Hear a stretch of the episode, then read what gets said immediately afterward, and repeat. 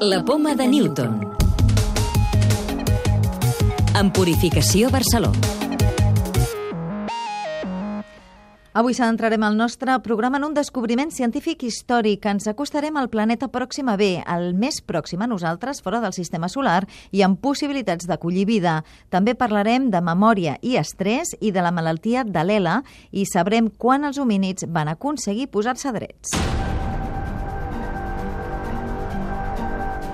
Pròxima B podria ser un planeta oceànic. Té una massa similar a la de la Terra i orbita al voltant de l'estrella que tenim més a prop, Pròxima Centauri. Es troba a 4,4 anys llum de nosaltres, situat en una zona habitable respecte a la seva estrella. La temperatura al planeta varia entre el 0 i els 100 graus i aquest fet, així com la situació i la mida, fan pensar que pot tenir atmosfera i, per tant, aigua líquida, una condició indispensable per a la vida. El descobriment l'ha fet un equip internacional liderat pel català Guillem Anglada. Tot i que estigui a la zona correcta, tenim algunes expectatives raonables que, que aquest planeta hagi acabat sent habitable avui en dia. Hi ha hagut aquests estudis que una mica han estat mirant i, efectivament, surten molts escenaris on aquest planeta pot ser perfectament habitable. El que crec que porta és la component motivacional. Ara tenim un objecte, tenim l'estrella més propera al Sol, que encara no podem arribar-hi, però que creiem que està al nostre abast. El fet de que hi és, sabem que està allà ara, motivarà a que es pensin noves tecnologies per observar aquest planeta, desenvolupin nous instruments per anar a l'espai. El que toca ara és intentar caracteritzar-lo i buscar l'atmosfera. No sabem encara si té atmosfera o no. El pot tenir, però és, és, la, és la següent pregunta que cal, que cal respondre. És la primera vegada que es troba un planeta que podria acollir vida tan a prop de la Terra. Un descobriment que també obre la porta fent noves troballes sobre la nostra galàxia i a desenvolupar noves tecnologies per intentar mirar encara més enllà.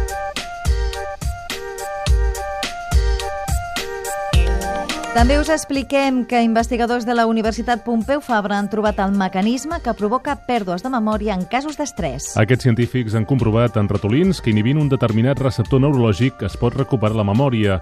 Andrés Ozaita és un dels directors de l'estudi.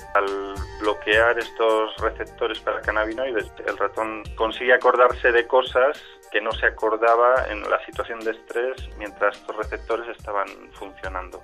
Investigadors de la Universitat de Lleida han descobert un dels factors que fan que l'ELA, l'esclerosi lateral amiotròfica, afecti més homes que dones. És una hormona sexual femenina que es diu estradiol i que ajuda els mitocondris, que proporcionen energia a la cèl·lula, a funcionar millor.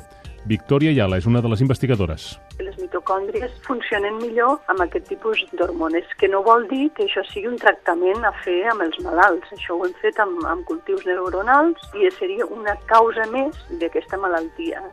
Un estudi sobre la migranya descobreix 40 gens que la determinen. També ha identificat per primer cop un factor genètic de risc en el cromosoma X que explica per què la patologia afecta més les dones que els homes.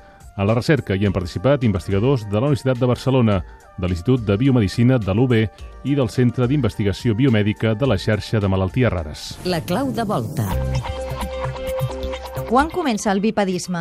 Lola Ruiz, de l'àrea de Ciència i Medi Ambient de l'obra social La Caixa. En etapes molt antigues de l'evolució, 3,6 milions d'anys, uns hominins ja eren totalment bípeds abans de l'augment de la capacitat cranial i abans també de la utilització d'eines de pedra. Almenys un individu fa 3,6 milions d'anys caminava com els humans moderns.